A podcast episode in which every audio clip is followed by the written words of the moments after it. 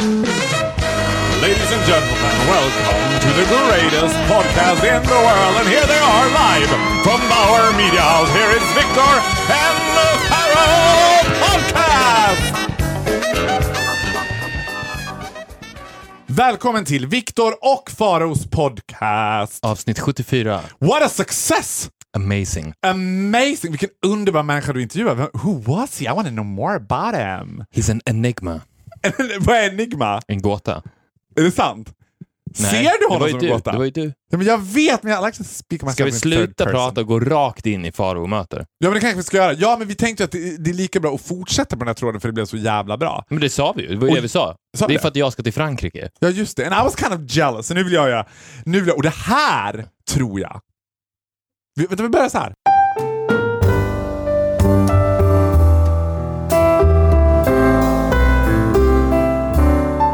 Välkommen till Farao möter! Och det här avsnittet av Farao möter, eh, my one and only pod, det här är ett one night stand pod show, eh, tror jag att de flesta av er som lyssnar på Viktor och Faraos podcast ser fram emot. För nu ska jag fokusera seulement på Viktor Norén. Ja, vad kul att vara här. Välkommen hit! Tack så mycket. Hur, hur, hur mår du? Jag mår bra. Jag är pigg. Efter att du har svept den där stora kaffen? Jag är ovan att svepa så här stora kaffekoppar. Vanligtvis så sippar jag på en mindre kopp under kanske 3-4 timmar. På riktigt? Ja. Det känns ju också som att du är väldigt bra på att sippa. Jag är också väldigt bra på att dricka kallt kaffe. Det är en av mina absolut bästa egenskaper. Att om någon häller upp en kopp kaffe till mig så kan jag ha den resten av dagen. But why? Because I like the taste. Okej, men let's dive right into it. Du har ju fått lite, liksom, det har funnits lite vibrationer kan man säga, liksom, om att folk tycker att du avslöjar för lite om dig själv. Va, why is that, tror du? Jag tror att idag så är ju det enda folk gör Mm. är att avslöja saker om sig själva. Och då, då, då menar jag alltså saker. Det man lägger ut på sociala medier för världen att se är bilder på sin familj, bilder på sina vänner, bilder ur ens gråa vardag. Mm. Vad jag delar med mig av i forumet Viktor och Faros podcast är ju vad som försiggår inne i min hjärna. Mm. Vilket jag hellre skulle vilja se och höra. Mm. Än till exempel att jag har långa utläggningar om mina barn. Det tycker jag är inte... Visst, jag tycker att det är privat. Jag ser egentligen ingen poäng med att dela med mig av det till främlingar. Jag tycker inte att det är att öppna upp sig. Att öppna upp sig tycker inte jag är att bara, titta här, här är mitt rum. Det här är mitt rum. Här har jag min TV. Här borta i hörnet har jag mina böcker. Och det här finns i mitt kylskåp. Man tror ju att det är att öppna upp sig. Men jag håller inte med om det och därför gör jag inte det. Men tycker du att jag gör det? Nej. För det finns ju en markant skillnad mellan dig och mig, att folk upplever att jag är like an open book and you're a closet case. är det inte bara dags för dig att komma ut nu? Men jag tror att det är för att du på många sätt lever ju ett mer extravagant liv till vardags än vad jag gör, vilket leder till, speci- och det har ju mycket att göra med att du är, allting kommer ju till min fascination för gayvärlden. Men för, för, Jag tycker att det är mycket mer intressant att prata om det. Mm. Och, det och det tror jag, de, om vi skulle vinkla din och min podd på ett annat sätt, där du ställde frågorna och jag svaren, som vi gör precis just nu, Ja. så hade den inte blivit lika bra. Men tror du att det här kommer bli sämsta avsnittet? We're, You're in for a shitty treat. Nej, Nej, det tror inte jag. jag Maestro, it's up to you. Exactly. Men om jag vill fråga så här, jag vill stanna lite vid den tanken igen. För att jag tänker, vi har känt varandra väldigt länge. Vi har också vuxit upp med varandra och följt varandras resa under många år. Och, och du har ju alltid varit, alltså lyssnandet kring dig har ju alltid varit att du har varit liksom mystisk. Alltså, jag menar, du älskar att labbomba mig och höjer mig till skyarna, men det enda jag verkligen inte är, jag är ju inte särskilt mystisk. Det är inte så folk träffar mig och bara I wanna figure him out. Du lyckas ju med att vara ha e- extremt hög integritet, vara väldigt mystisk, men ändå fånga folks intresse. På högstadiet, på gymnasiet var du ett genuint intresse över dig hela tiden. Men det var som att ingen förstod dig alls. Eller var så här, förstår du vad jag söker? Att du var väldigt ot... Om, Mm. du, om du skulle få en folk som gick på gymnasiet med dig så skulle de säga att han var. Vad gjorde du på studenten? Jag åkte hem. Vet, och Ja, inte det, som så här, Jag åkte inte hem, jag åkte till Stockholm. Du åkte till Stockholm, ja, ja men du drog Stockholm, du var så här, du var ju extremt otillgänglig. Men jag kan säga så här. Det finns jättemycket saker om mig Mm. som bara jag vet om. Bet it does! Kan du That's dela med dig av en grej? Nej. Inte en enda... enda Nej, och det är en regel som jag har med mig själv. Men, men grejer som vadå? Va- Kan du Det bara... här kommer inte bli the guessing game. Jag säger Nej, bara jag att. Okej. att det är så jag valde tidigt att lägga upp mitt liv. Och det var också mitt sätt, tror jag, att, att hantera ångest på. Hade du ångest? Nej.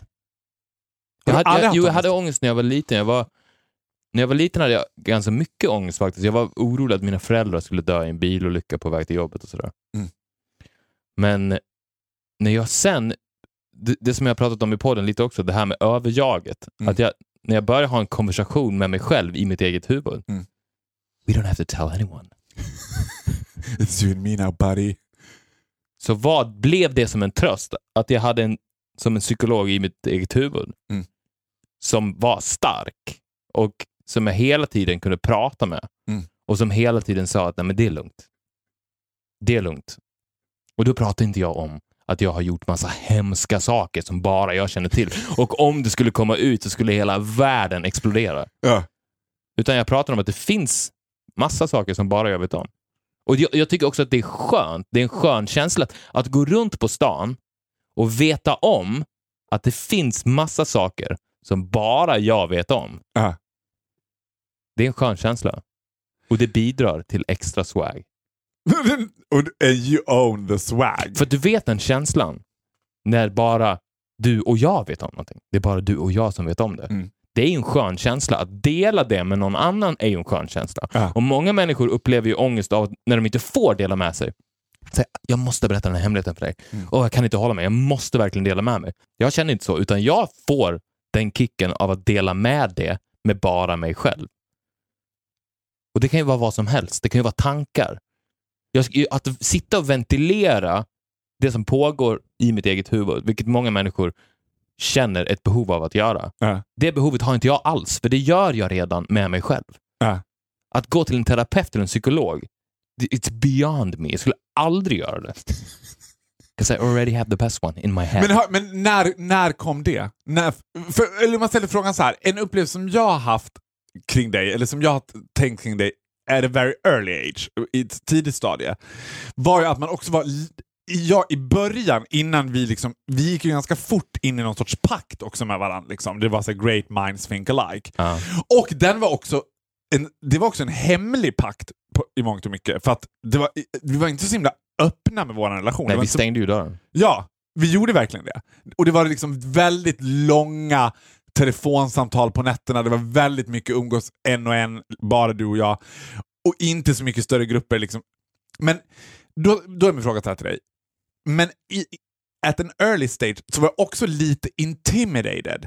Lite så här, nu pratar vi väldigt i början, jag var inte, eller men som lite nervös. Inte, inte ett obehag, men någon sorts att man var så lite concerned när man skulle umgås med det. Att, Oj, så här, nu liksom, I better- be on my toes. Du vet.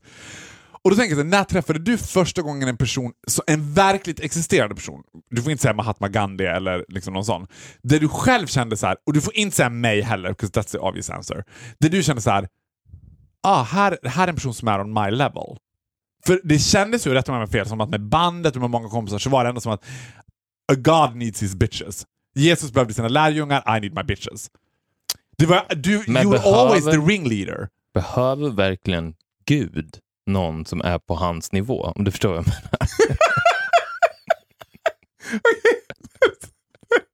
Let's leave it at that. Let's leave it at that. Är inte själva poängen med det att man mentalt inte tycker att de är på ens nivå? Förstår jo, du vad jag menar? Jag förstår vad du menar, men, men om jag säger så här, har du någon gång, har du någon gång under, liksom, innan du flyttade till Stockholm, innan det här med fru och allt det där, känt dig ensam? Ja, jag kände mig när jag var 12 på sommarlovet innan jag skulle börja sjuan, Ja. så hade jag inga kompisar. Gud vad specifikt. Var det så mycket så att dina föräldrar var lite så här. Viktor, ska du inte gå ut och leka med någon? Ja, faktiskt. Hur kom det? Var det, Det, kom det till- var också då du gjorde lite av en förvandling väl? Det var precis, och jag tror det var det som bidrog lite också. Det var, jag var 12 och min bästa kompis som jag hade haft, för att jag hade, jag hade gjort ett val när jag gick i sexan. Att jag skulle gå ifrån hiphopen som jag var en del av. I Borlänge på, på den tiden, i slutet på 90-talet, så var det en stor hiphopkultur. Och det var så de coola killarna i klassen, de hade ju på sig hiphopkläder. Mm. Och jag var ju the ringleader of this as well. Så du hade hiphopkläder på dig? Ja, det hade jag. Men då tog jag ett beslut att jag skulle lämna det bakom mig och gå vidare och börja spela gitarr. Och sen så gick, gick, kom jag till skolan en Poco Loco-tröja en dag. Kommer du ihåg Poco Loco? No. Det var en pikétröja som jag hade. Ja. Och då blev jag genast stämplad som bög. Var det så? Ja, jag hade gått från hiphop till bög. Det var en blå, en blå pikétröja. Ja, men jag bara, how very dare them? Hur vågade de? Jag, hade, jag tänker att alla var så här, du vet, var det någon... Kids are evil. Ja, men du, var- you were the evilest. alltså du vet, you were fucking No, I wasn't. Damien. I Nej, was amazing. You were amazing, men du... Okej, ja. I was amazing. Nej, men jag var ju en vän av mobboffren. Ja. Det var jag ju. Jag tog ju dem till mig. Gjorde du det? Ja. Ja, men, och då när du kom in på koloktröjan, Alltså då, då, då hamnade... kom du i sjuan, det här, då hade du börjat sjuan. Var... Nej, jag hade inte börjat sjunga. Det var i Nej. sexan. Aha, okej. Så, så där tappade jag ju en, en massa kompisar. Jag hade kvar en dock. Mm. Men han började, slutade umgås med mig och började umgås med en annan kille. Mm. Som sedmera skulle bli en av mina närmsta vänner. Ja. Men precis under den här perioden på sommarlovet så hade jag ingen att umgås med. Och jämt när jag ringde då till min enda kompis Ja. så kunde inte han vara med mig på grund av att han var med sin nya bästis. Sa han det också? Alltså, jag, jag kan inte vara med jag ska kan inte vara med. med dig. Jag ska vara med Jonas. Sa han. It's always that motherfucking Jonas. He stole my best friend. And your heart. My heart! Och då... Då var jag ensam. Det, kom jag, då hade jag, det tyckte jag var jobbigt. Alltså. Och jag Vä- hoppas väldigt specifikt att du kommer ihåg det så och jag exakt. sympatiserar så jävla mycket med barn utan kompisar. Ja. Det spelar ingen roll hur många syskon du har. Ja. Spelar, spelar ingen roll om du har världens bästa föräldrar. Sympatiserar verkligen med, och man behöver inte vara mobbad heller, för jag var inte mobbad alls. Nej. Absolut inte mobbad. Jag skulle snarare säga att jag var nog ansedd som har ganska hög status. Ja. Det var bara det- det att under den här perioden så hade jag inga kompisar. Jag hade inga kompisar. Jag var som Klimpen i Bert. Jag knackade dörr. Är det ingen som vill vara med mig? Åh. And then I found you. And that, what I sort of found you. Det var mer så det var. Ja. And speaking of that, alltså jättemycket av vår relation och kanske framför allt liksom, nu i modern tid, men också redan från början, har ju handlat om din fascination för gayvärlden. En fascination som the glorious world of gays. Alltså, du, jag känner ingen som är sån förespråkare för gayvärlden, mer än kanske gay rights. Det känns som att du inte är så intresserad av gay rights, men gayvärlden. Fanns det en, ett intresse för gayvärlden som en subkultur innan du hade träffat mig? För jag var ju inte bög. Var, jag var ju väldigt tydlig med att jag är inte bög. Liksom. Nej, det fanns inte ett uttalat intresse för gayvärlden. Inte alls. Min, det, det fanns inte. Men däremot så var jag fascinerad av androgyna män. Jag var intresserad av sminkade män i leopardpälsar. Ja. Och då pratar jag då om rockband Ja. som klädde sig så. Eh, och det var väl det var väl på något sätt, vilket är likt gayvärlden, att det var att man gick in i ett utanförskap och sen så gjorde man det utanförskapet till the center of attention. Mm. Att man medvetet blev ett mobboffer. Det var lite det jag gjorde också när jag gick ifrån den här hiphop-stilen med lösa Adidas-byxor Mm. in i Poco Loco, tight pikétröja. Men, det, men grejen är, jag försöker, för, jag försöker se det här framför mig, för mig, framför mig. För att i min värld så var det ju så här tajta långärmade t-shirts, typ tajta jeans, en kavaj, kanske gärna så här sammetskavaj typ. Mm. Och lite så eyeliner. Att det var väldigt mycket indie Men det här var ju på högstadiet. Nu pratar jag om mellanstadiet. På mellanstadiet så gick Ja, jag... men Poco en, en blå det låter lite brattigt. Ja, det var lite brattigt. Det var lite Ja, brattigt. det var absolut brattigt. Men det, det var tillräckligt tight för att stämpla som bög Ja, när jag var 11. ja. Men det var ju... Fanns det ens bögar när man var elva? Var det ens att folk reflekterade så här? Bögjävel! Böge, ja, men bögjävel var ju standard. Ja. I, I Borlänge på 90-talet så var ju det standard. Men det var ju som ett medvetet val att nu kliver jag in i ett utanförskap. Mm. Jag går ifrån min trygga zon som är Adidas-byxorna Mm. och in i Pocolocoland. jag, I wanna be in Pocolocoland too! jag visste om att den här pikétröjan, alltså jag var en populär kille i klassen. Jag visste om att den skulle provocera. Mm. Jag visste om att folk skulle kalla mig bög. Men det på något sätt gav mig en kick. Men var det popular among the girls också redan då? Ja, fast inte under den perioden. Då tappade jag ju allt. Det var så att då var det direkt så här. eh, du, du var thrown out in the cold. Iskallt alltså. Det var så? Ja. Freezing cold. Mm. Men jag, jag stod och det var, jag tror att det är väl därför jag kanske gillar gay-världen också. Just det här med pride. Att säga, wear it with pride. Mm. Så kommer du inte bli mobbad. Mm. För jag- alltså jag, var, jag blev ju visst utstött och på sommaren så var jag ensam. Mm. Men jag kände ju aldrig att jag var the loser. Jag kände ju då att det, you are the losers. Ja. Så att jag, det spelade ingen roll vad de sa. Jag visste ju hela tiden att jag är ju den som kommer gå ur det här segrande Ja. på andra sidan. And look at you now. Look at me now and look at them now. Still wearing their fucking Adidas shirts in Borlänge. Men får jag fråga dig en sak? Jag vet, nu har, gud, det här var ju så spännande så jag dör. Jag har så mycket frågor. En sak jag undrar över. Vi pratar ju väldigt mycket om min homosexualitet. Vi pratar väldigt mycket om hur mycket, min homosexualitet har format min personlighet, hur mycket jag hade varit när jag hade varit rör men inte var homosexuell, bla bla bla. Och då undrar jag så här. eh, Och vi har också pratat väldigt mycket om det här med att komma ut. Att komma ut som en väldigt central del av att vara homosexuell. Mm. Och då säger alla killar så här. Ja, jag har ju själv också funderat på det någon gång. Där. Och då undrar jag så här. För min, mitt svar brukar ofta vara, om jag inte är intresserad av att ta diskussionen, säga att jag kom ut samtidigt som du kom på att du inte var gay. Men var det ett tillfälle där, man, där du satte ner och funderade på så här. Gör man det som straight kid? Nu frågar jag kanske allmänt som straight kid, inte som dig i Poco Loco-tröjan. Var det någon gång du tänkte så här. Am I in love with him? With you? Inte in, in me, in any random guy. Var det så att du någon gång tänkte, är jag homosexuell? Nej. Aldrig. Men det var ju också ett hårt klimat. Det kanske är annorlunda nu, men det vet ju du också. Även om du på något sätt lyckades ta dig igenom det helt blåmärkesfritt, Mm. så var ju det stämplat nästan som att jag skulle säga att jag var pedofil Ja. och var bög. Det så illa? Ja, men det var illa. Ja. Det var illa och det var ju hårt och det var illa. Och som jag sa tidigare, det värsta, det värsta någon kunde säga till dig var ju bögjävel. Ja. För att de visste att det det ondast Ja. av allt. Eh, så det, med tanke på att jag inte var bög, att jag var straight, så fanns det ju aldrig en sekund, på, precis på samma sätt som du, det aldrig fanns en sekund i ditt liv när du satt såhär, fan kanske är jag pedofil? För att du var inte det. Då, då var det aldrig en issue.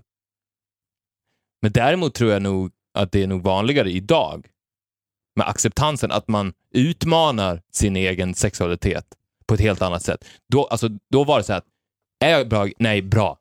Alltså, då, då kommer jag aldrig reflektera över det. Ja, men, men alltså med det sagt då ska jag säga så här. Alltså, det, det fanns aldrig någon som sa men fan det är lite spännande ändå det där med homosexualitet. Man kanske skulle prova det. Let's be trisexual. Ja. Alltså att det skulle ske i Kvarnsveden på 90-talet. ja. Det var no. non-existent. No. Men jag vill också understryka en sak så här. Det är också en väldigt stor skillnad på sexualitet och sexuell identitet. Alltså största fundamentala skillnaden mellan dig och mig är att du blir kär i tjejer, jag blir kär i killar. Man glömmer alltid det när man pratar om manlig homosexualitet, så är det bara fokus på det sexuella. Min andra fråga är så här. Jag pratade ju om i Viktor möter om att jag inte tror på revansch. Jag tror inte att revansch är en sund kraft. Det känns ju som att du i ett medialt utrymme i alla fall med Sugar Plum Fairy, liksom när ni slog igenom, det blev ändå väldigt stort. Alltså, och för mig är det där också så här. Eh, eftersom jag har kämpat med min fruktansvärda musiksmak, alltså, som är ju, alltså, det är en musiksmak som inte ens går att tala om. Liksom. Nej, det är inte sant. Jo. Man kan tala om all musiksmak. Ja, okej. okej. Förlåt. Det är den finaste musiksmaken jag vet. Ja, okej. det- Okej, jag har ju haft den finaste musiksmaken there is. Men desperately trying to like the same music as you were listening to. För jag trodde att det var the key. To, du vet, jag kommer ihåg när jag åkte på så här Thailandsresa med familjen Groth och köpte Manic Street Preachers skiva So Why So Sad. För jag tänkte såhär, nu kommer jag förstå Victor bättre när jag lyssnar på den. Typ.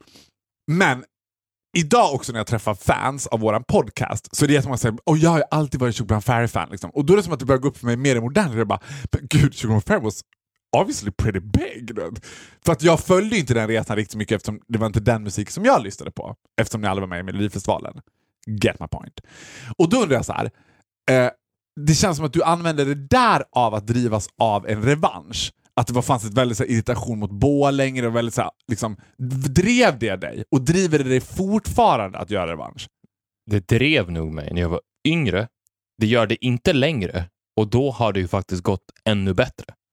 Jag har ju aldrig någonsin varit så framgångsrik i musikbranschen som jag är at this very moment. Vad driver det nu då?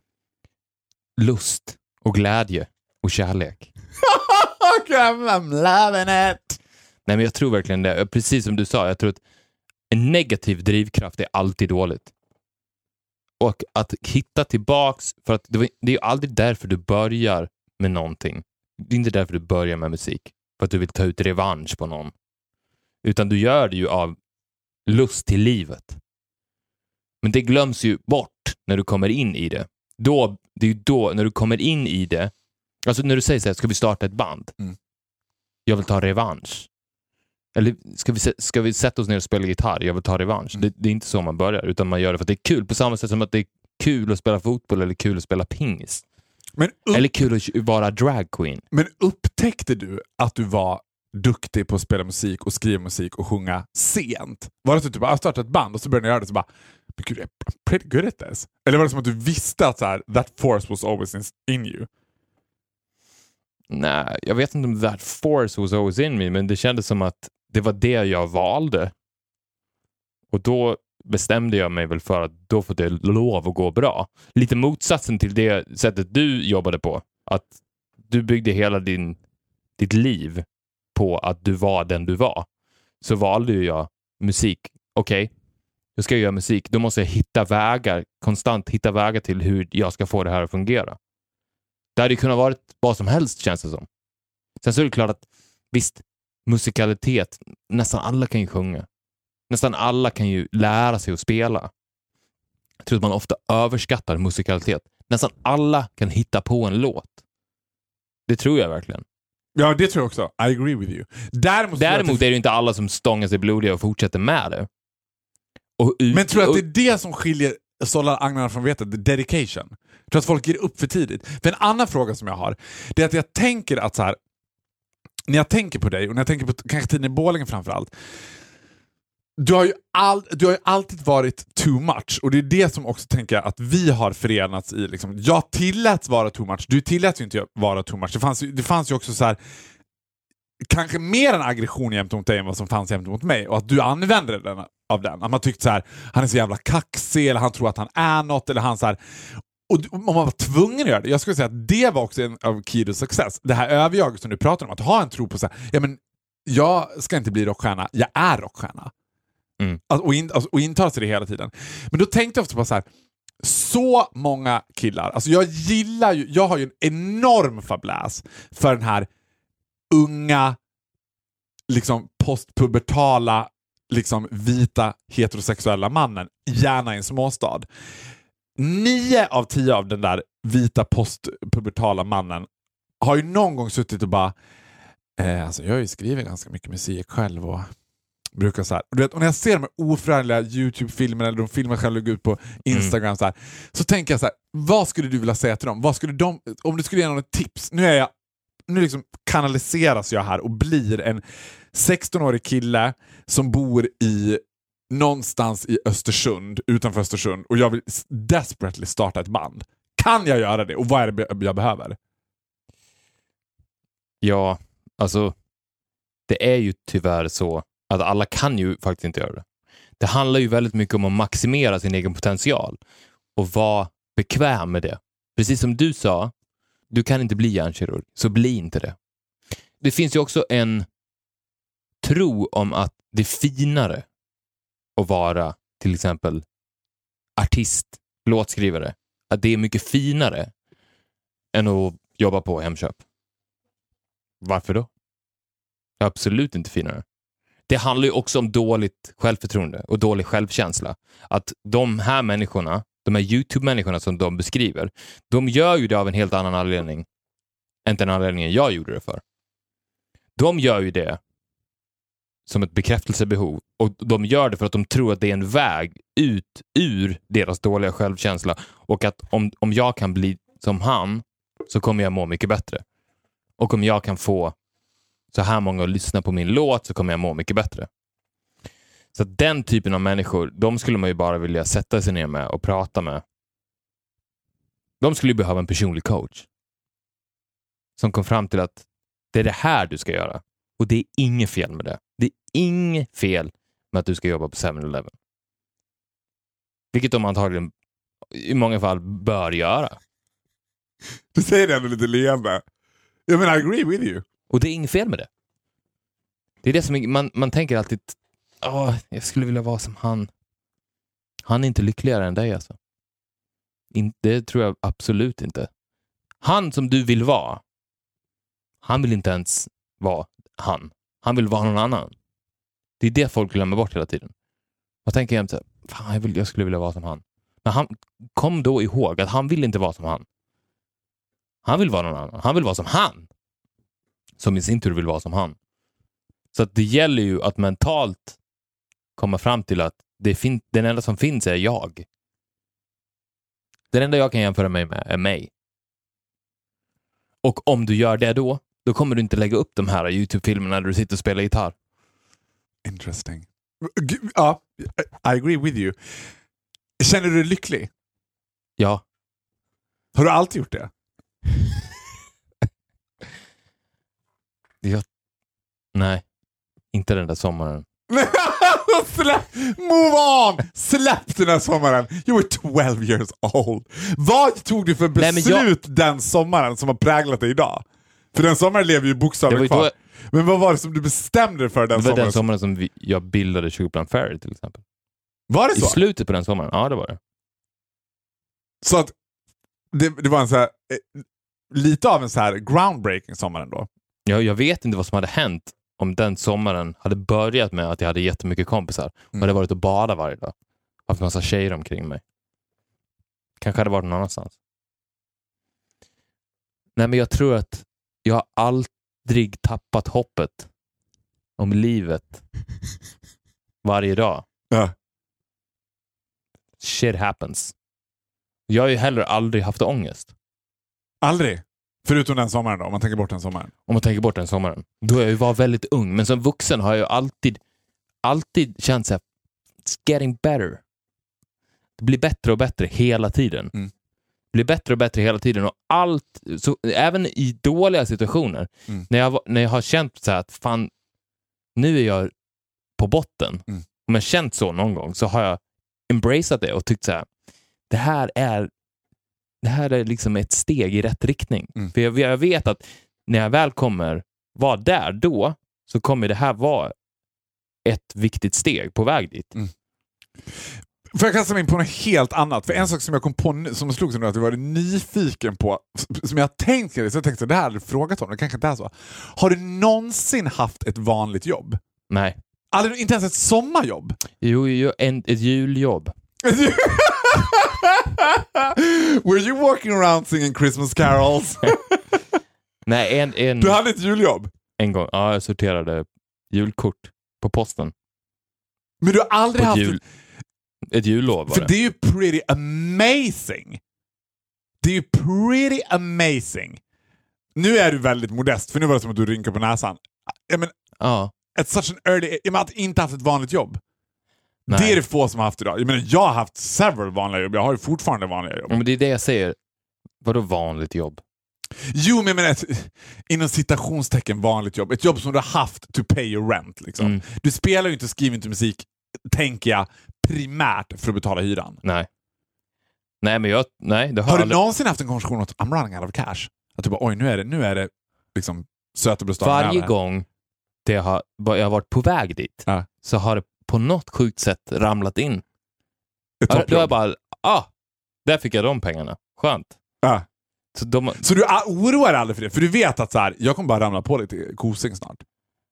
ja men nu, nu känns det ju stabilt liksom. Ja. Men under en, om jag ser tillbaks för så här, sex, sju, åtta år sedan. Mm.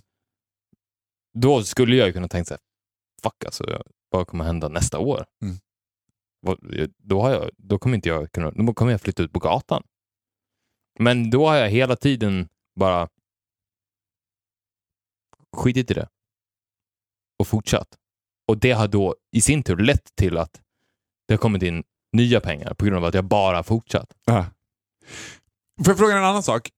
Du pratar om självförtroende och självkänsla och allt möjligt i Viktor möter. Men jag undrar så här, har du någon gång varit nervös eller finns det situationer i ditt dagliga liv idag som gör dig obekväm?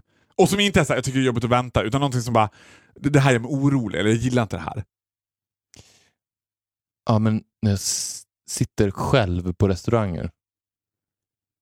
Men hur ofta gör du det? Tror Ja, du det- ska käka en lunch? Ja, men det händer. Alltså, nu pratar jag även om jag går ut och äter lunch eller middag med någon Ja. och den här personen går på toaletten. Ja. Då blir jag genast obekväm. Är det sant? Ja. Jag klarar inte av att vara själv på restauranger. Jag vet att det finns folk som går ut och äter ensammiddagar. Ja. Would never. Men vad har du för generell relation till ensamhet? Ja, Men den är ju positiv. Jag tycker om att vara ensam. Ja, för i din Att gå på stan själv eller Ja, vara men jag hemma tänker, I själv. din värld nu också så måste det vara very rare. Det måste till, alltså, den, som din livssituation ser ut nu så måste ju det vara någonting som är en belöning. Ja, men exakt. Att man får- Precis. Är det som att the first thing you do, Pornhub? Jag tänker det första man skulle göra, att man instinktivt, att alla män, oavsett om du är liksom 30 eller om du är 58, går tillbaka till den här 16-åriga killen som kommer hem från skolan och var ensam hemma. Att man bara, porrsurfa! Hade ni internet när du var så Ja, det hade vi nog. Jag tror att jag var kanske 16-17 Men första då, gången.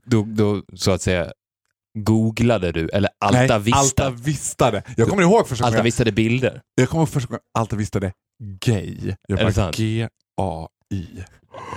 Och det var, det var som att då öppnades pärleporten. Ja. Nej, eller vad var frågan? Om jag porrsurfar så fort jag blir själv? Nej, jag, nej, det kan inte vara en fråga. Jag kan ställa det som en fråga. Är det första jag gör? Nej, det, nej, det är inte det första jag gör. Kan det finnas, okej, du- du- you don't believe in it. Kan du ge oss någonting för lyssnarna bara som är så här, du kan, det behöver inte vara någonting som du gör nu själv. Bara berätta någonting om dig som du inte har berättat för någon annan förut. Det kan vara något banalt. Jag tänker mig något banalt. Det behöver inte vara någonting så här. Ska jag berätta någonting som jag aldrig har berättat för någon förut? Nej, men inte så Något som du inte har berättat i podden då? Något privat. Har du någonting? The first thing that comes up in your Men mind. vad är det då? Vad är privata? Nej, men vad är det första som kom upp i ditt huvud? Du hade ju en tanke, du bara kan jag säga det här? nej, nej, nej, det hade jag inte alls. Jag, jag undrar vad som är privat. You decide. You decide, 'cause I don't know. för jag, tycker, jag har ju sagt det förut, jag tycker att jag är så jävla privat. Ja, men privat, du, är inte, du är ju jävligt privat, men du är inte banal. Nej, men är privat att prata om... Ja, men då, vad? hur, ska jag förklara hur min, en dag ser ut? Nej, skit privat? i det. För det kommer inte vara intressant. Exakt. 'Cause it's boring. Ja. Ja, det är boring. Ja. Vi ska avsluta med tio frågor som eh, du avslutade intervjun med Farao också. Som nu speak about in third person. Och de här kommer från The Actors Studio. James Liptons Questionary. What is your favorite word? Mitt favorite word. Du sa ju ja. Det tycker jag var ett bra svar. Du kan inte copy Men me jag kan inte time. copy you. Jag kan inte heller säga gay, för det är inte sant. Det är inte ditt favorite word. Det behöver inte vara innebörden av ordet, det kan ju också bara vara ett ord. Mm. Det behöver inte vara så här. Love is my favorite Jag word. gillar ju R. Rullians. Rulltrappa, är det ett ord du gillar också? Men det finns ju no jag vet inte om det är, kommer ifrån barndomen, men man har ju någon form av stolthet i det faktum att man kan säga R. Ja. Det, jag vet inte om jag kommer ihåg det, det men det, det är ju säkert inte sant. Men det känns som att jag kommer ihåg när jag lärde mig säga R, Ja. rullande R. Och att det var, det, eller jag kommer i alla, fall, i alla fall ihåg att det var barn på dagis som inte kunde, som sa ej. Som sa ej! Ja men joligt. Joligt. Vad joligt. Roligt. Vad roligt. Så. Rullians. Rullians. Tycker du det är bättre om rullians än om rulltrappa? Jag tyckte annars rulltrappa var fel här. Men Ah, ja. Rullians. För, men jag säger inte det så ofta. Vad är ditt least favorite word? Ägg. Oh, gud, hands down sister I'm with you. Det är faktiskt riktigt äckligt Ja, det är dåligt. Ägg. What turns you on creatively, spiritually or emotionally? Att leva... Och det är... Hur ska jag förklara det här nu? nu, nu föreställer jag mig framför mig att det är en ganska vild diskussion mellan dig själv och ditt inner-jag, det här du pratar med i huvudet. Hur fan ska vi uttrycka oss nu? Liksom? Du, you have the picture perfectly clear in your head. Nej, men måste- på riktigt så tror jag samtal med dig, när jag säger någonting, du svarar och det tar mig till ett ställe i mitt svar sen som jag aldrig hade tagit mig till om det inte vore för dig. Fast det här har vi pratat om också som jag tänker också i Key That turns me on. som jag tänker i Key Success i våra samtal. Det är väldigt, alltså, vi diskuterar ju saker, men vi debatterar ju inte saker. Nej. Det, för att det Men värsta... vi, vad vi gör är ju att vi pratar. Vi har ju sagt flera gånger att vi är ett väsen. ja, Att det är snarare så att vi blir en supermänniska tillsammans. ja. Och det turns me on att när, för att det som skapas i mitt huvud på grund av dig är saker som jag aldrig skulle kunna skapa själv. Mm. Men det blir, det är ju ändå jag som gör det. Men, men vet du För vad? att du tar mig till platser i samtalet som jag inte trodde fanns. Nej, men jag tror att det själv. handlar om det här. Eh, en gemensam bekant till oss båda sa så här.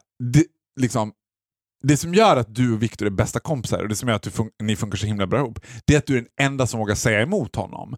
Och då tänkte Vem jag så här. Det?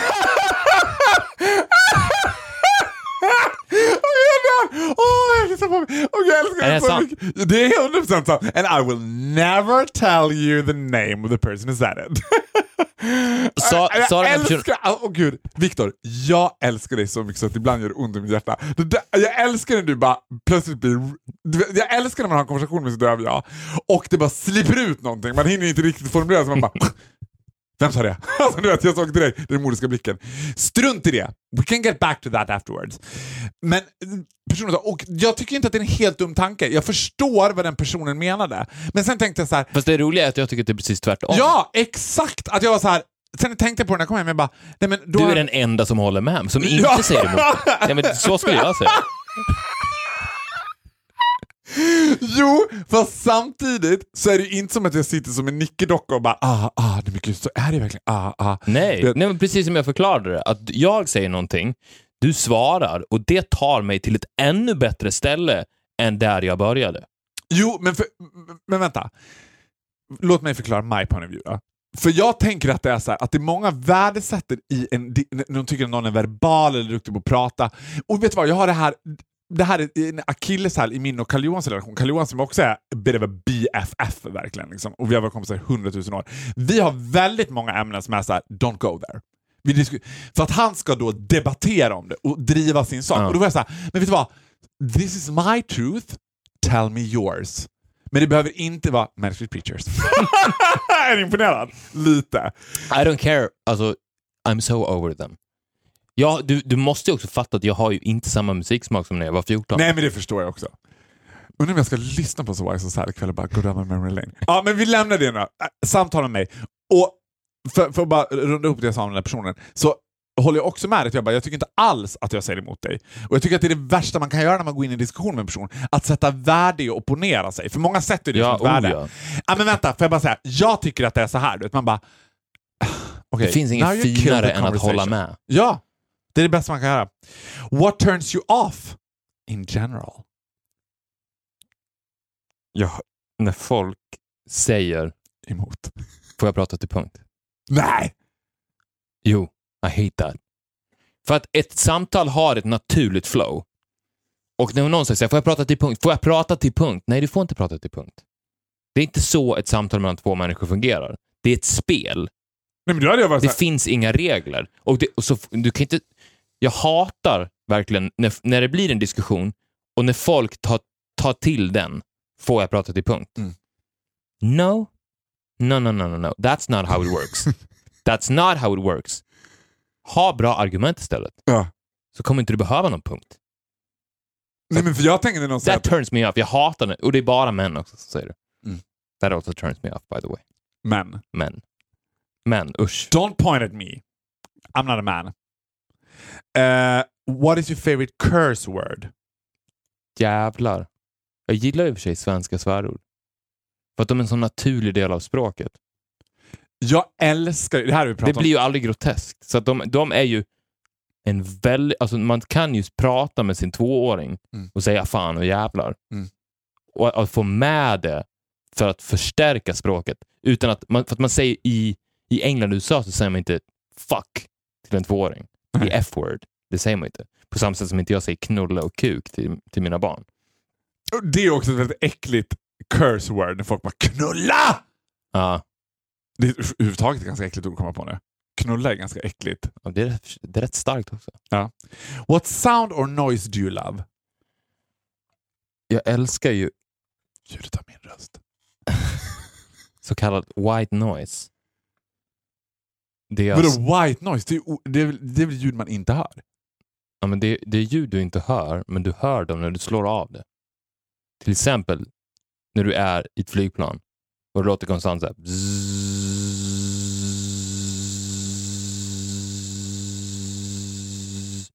Hela flygresan. Ja.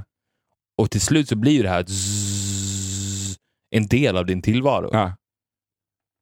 Och det, det funkar ju väldigt bra. Man söver ju spädbarn på det sättet att man, om man, om man sätter på dammsugaren till exempel, Mm.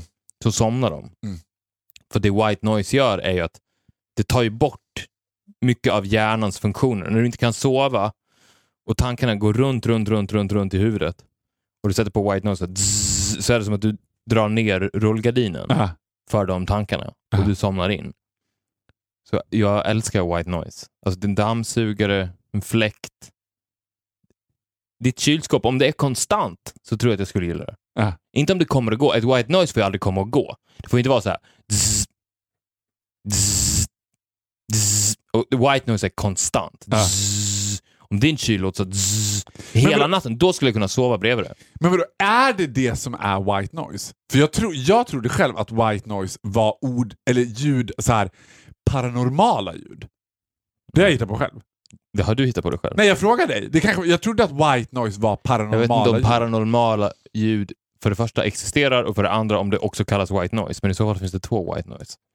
Interesting. You teach me so much things. What sound or noise do you hate?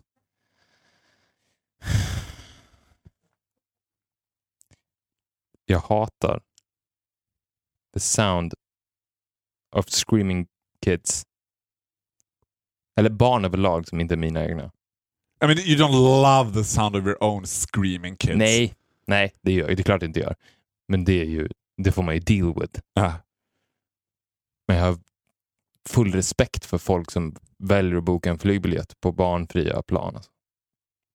Vänta, vänta, vänta. Hold your horses now sis.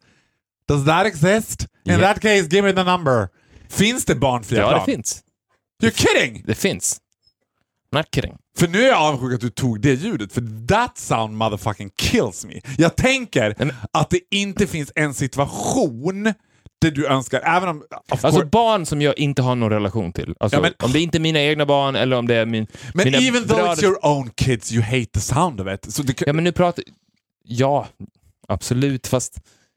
Det är inte, det, nej, jag skulle inte säga hate. För att hate är starkt.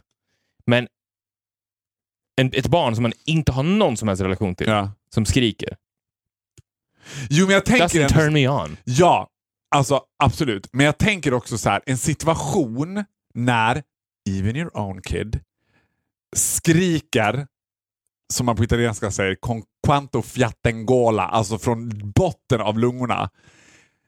Alltså, jag tänker att det, och, du vet, och, och det har varit, det, nä- det nästan turns into white noise. Liksom. Mm. För när barnet i fråga, even though it might be your own, har gjort det hela natten.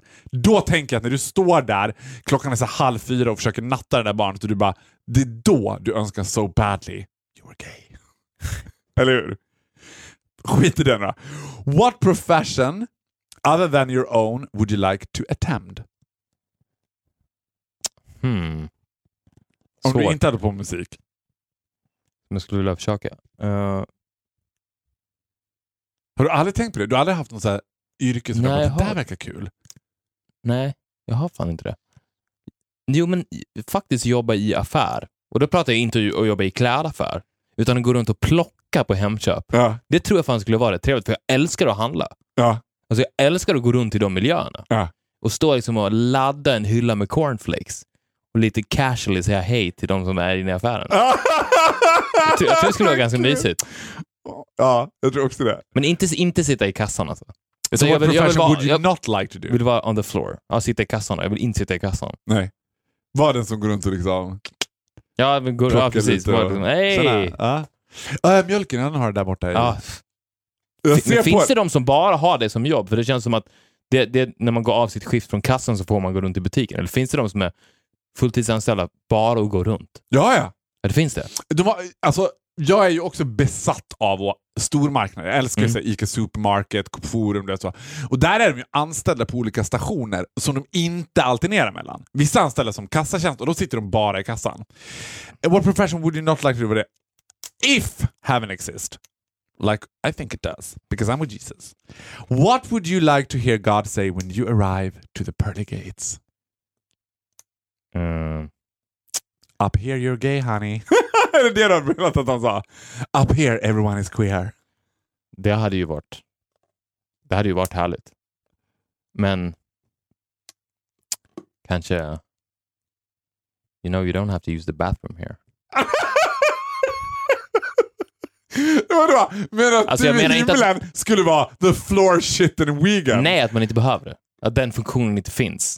Du behöver inte gå på toaletten. Du Nej! kan dricka hur mycket du vill, du kan äta hur mycket du vill, men du behöver aldrig gå på toaletten. But I har vi ta- like it. You like it. Yeah, I think it's a waste of time. Yeah, but I think it's a time to be on your own, it's by yourself and you can meditate and stuff. Maybe no. Okay. Okej. Vet du vad, jag vill säga så här, tusen tack. Vilken fantastisk gäst du har varit. Jag lägger ner det här nu. Bra. Det här var en Det gjorde jag med. one hit one. Gjorde du också det? Ja, För man med. kände att man inte kunde toppa, eller? Nej. Jag kommer inte ha en bättre gäst. Nej. Jag kommer att avboka samtliga gäster. Det här var en one hit wonder. Men avsnitt 74 Fyra. av Viktor och Faras podcast kommer att vara något helt annat.